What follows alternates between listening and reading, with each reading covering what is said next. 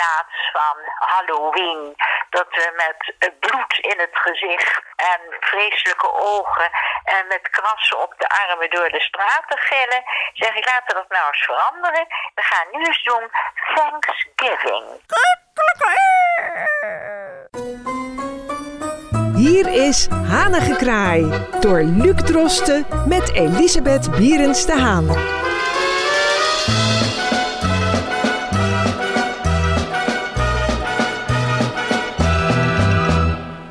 Welkom bij Hanengekraai, dat vandaag in het teken staat van een feestdag die in Nederland eigenlijk nogal ongemerkt voorbij gaat, want we hebben het over de Amerikaanse traditie Thanksgiving. Het is uh, eind november, dus mevrouw Bions de Haan, Amerika maakt zich op voor Thanksgiving en u wilde het over deze feestdag hebben. Waarom is dat?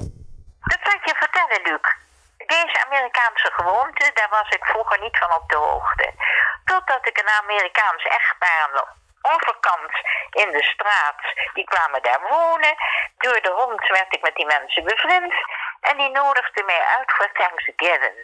En het is een religieus feest. Thanksgiving is uh, een eerbetoon aan de goddelijke wereld voor de goede gaven voor het eten, voor het welzijn, voor alles wat voorspoedig is op aarde. Thanksgiving. En ik heb een prachtig diner daar gehad. Het leek een beetje op een kerstdiner met een kalkoen en Mexicaanse rijst, kookte zalig. En de zoon zat met een grote Bijbel aan de tafel, een statenbijbel. En uh, hij las voor, en uh, ik zou zeggen, Jezaja, prachtig deel. En we luisterden aandachtig naar deze jongen van 12 jaar. En toen wist ik, Thanksgiving is een eerbetoon aan, je mag eigenlijk niet zeggen God, want dat is zo groot en zo oneindig. Je kan zeggen, het is een eerbetoon aan de goddelijke wereld. En dat is goed. Ik wou eigenlijk graag voorstellen dat Nederland, liefst Europa, maar dat Nederland deze dankdag ook ging invoeren. In plaats van Halloween, dat we met bloed in het gezicht en vreselijke ogen en met krassen op de armen door de straten gillen, zeg ik laten we dat nou eens veranderen. We gaan nu eens doen Thanksgiving. En dan gaan we de goddelijke wereld danken. Count your blessings. Ja, het is een, is Thanksgiving. Het is een dankbetuiging eigenlijk aan uh, misschien ook een soort uh, prise de conscience, een bewustwording van uh, ja, het dankbaar te zijn voor wat je hebt, toch? Ja, en dat zegt heel goed, Luc, dat is het. Ja. Nou ja, goed, de oproep is bij deze gedaan.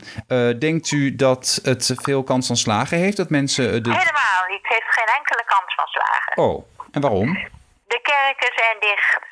Uh, als je over het religieuze praat, doorgaans, dan moet, kan je beter je mond houden, want je krijgt meteen krijg je een wederwoord van onzin allemaal. Dus dit heeft geen enkele kans van slagen. Denkt u ook niet dat als we bijvoorbeeld het breder zouden trekken en dat niet alleen uh, tot een dankbetuiging aan uh, het goddelijke uh, maken, maar dat we dus zeggen van het is gewoon een, een maatschappijbrede dankbetuiging aan het feit dat we het zo goed hebben, bijvoorbeeld in de westerse wereld, dat het dan meer mensen aanspreekt? Dan haal je de kroon van het werk weg. Oh. Dat is niet goed gezien. Het is juist dat je een eerbetoon doet aan iets wat je niet ziet maar er wel is. En iets, iets heel groots, de schepper. Je brengt een eerbetoon aan de schepper. En je brengt niet een eerbetoon aan het kabinet of een eerbetoon, dat doe je niet. Dit is een thanksgiving aan een onzichtbare wereld die er is. En dan kom ik bij Shakespeare, there's more between heaven and earth than you can conceive in your philosophy.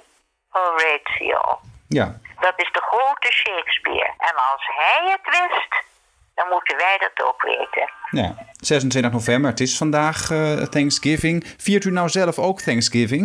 Kijk, dus je viert het net als kerstmis gezamenlijk met vrienden en vriendinnen. En ik ben natuurlijk, als je oud bent, dan heb je niet meer zo'n kring om je heen. Veel mensen zijn al gestorven. Ik vier het in mijn eentje. Met de poes. maar dat, de poes die zit aan de dis, die krijgt een extra hapje kalkoen. Maar dan vier ik het toch en dan zijn mijn gedachten speciaal bij die familie die geëmigreerd is, althans de ouders naar Amerika, de Halloweenskis. En dan denk ik aan hun, ik denk aan de hond, de kinderen. Ik krijg elk jaar een prachtige brief van ze. Dus die uh, Thanksgiving staat helemaal ook in het teken van deze gelovige, lieve, buitengewoon aardige Amerikanen. Nou, dat is. Uh, trouwens, u heeft eerder al eens aangegeven dat u inderdaad kerst ook alleen viert. U gaf aan dat het uh, iets is om met vrienden, familie, et cetera te vieren. Maar je kan natuurlijk ook prima een feestdag alleen vieren en op die manier stilstaan bij de gedachten erachter. Ja, en waarom kan dat niet?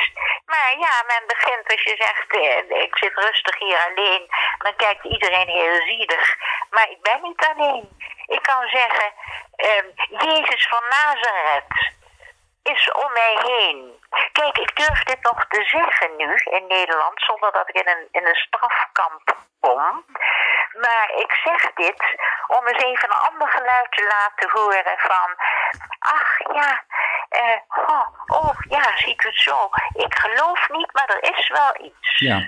nou, en ehm, dat, dat iets is wat ik nou net heb verteld. Ik wilde dan eigenlijk de titel van het boek van koningin Wil- Wilhelmina omdraaien. Dus zij schreef eenzaam, maar niet alleen. Ik denk dan dat bij u geldt alleen, maar niet eenzaam. Klopt dat? En daar heb je het. Je zegt het heel goed, Luc. Prima, zo is het ook. Nou ja, en misschien is het ook nog iets waar andere mensen eh, troost en moed uit kunnen En ik ben putten. niet alleen. Nee. Dit is hier in de kamer vol met wezens. Alleen ik zie, ik zie wat jij niet ziet. Je ziet ze niet, maar ze zijn er wel. Nou, en En zolang eh, er geen wetenschapper is die gaat wetenschappelijk aantonen dat het onmogelijk is dat je iets ziet wat een ander niet ziet, dan zeg ik, nou, dan ga ik eens even mijn gedachten herzien.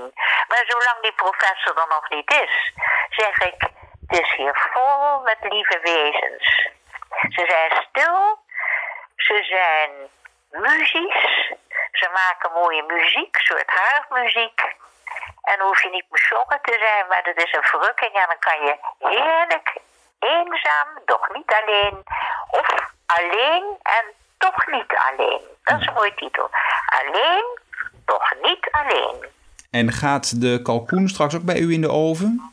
Die gaat een, een kleine en halve kalkoen en die gaat in de oven. Nou, ik wens u alvast een heel smakelijk eten, mevrouw Bierens de Haan.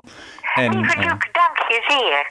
En ehm, ik zou zeggen tot de volgende keer. Volgende week zijn we er weer met weer een ander onderwerp. En eh, ik wens eh, u, mevrouw Bieres de Haan, en eventueel ook de luisteraars die meevieren, een goede Thanksgiving.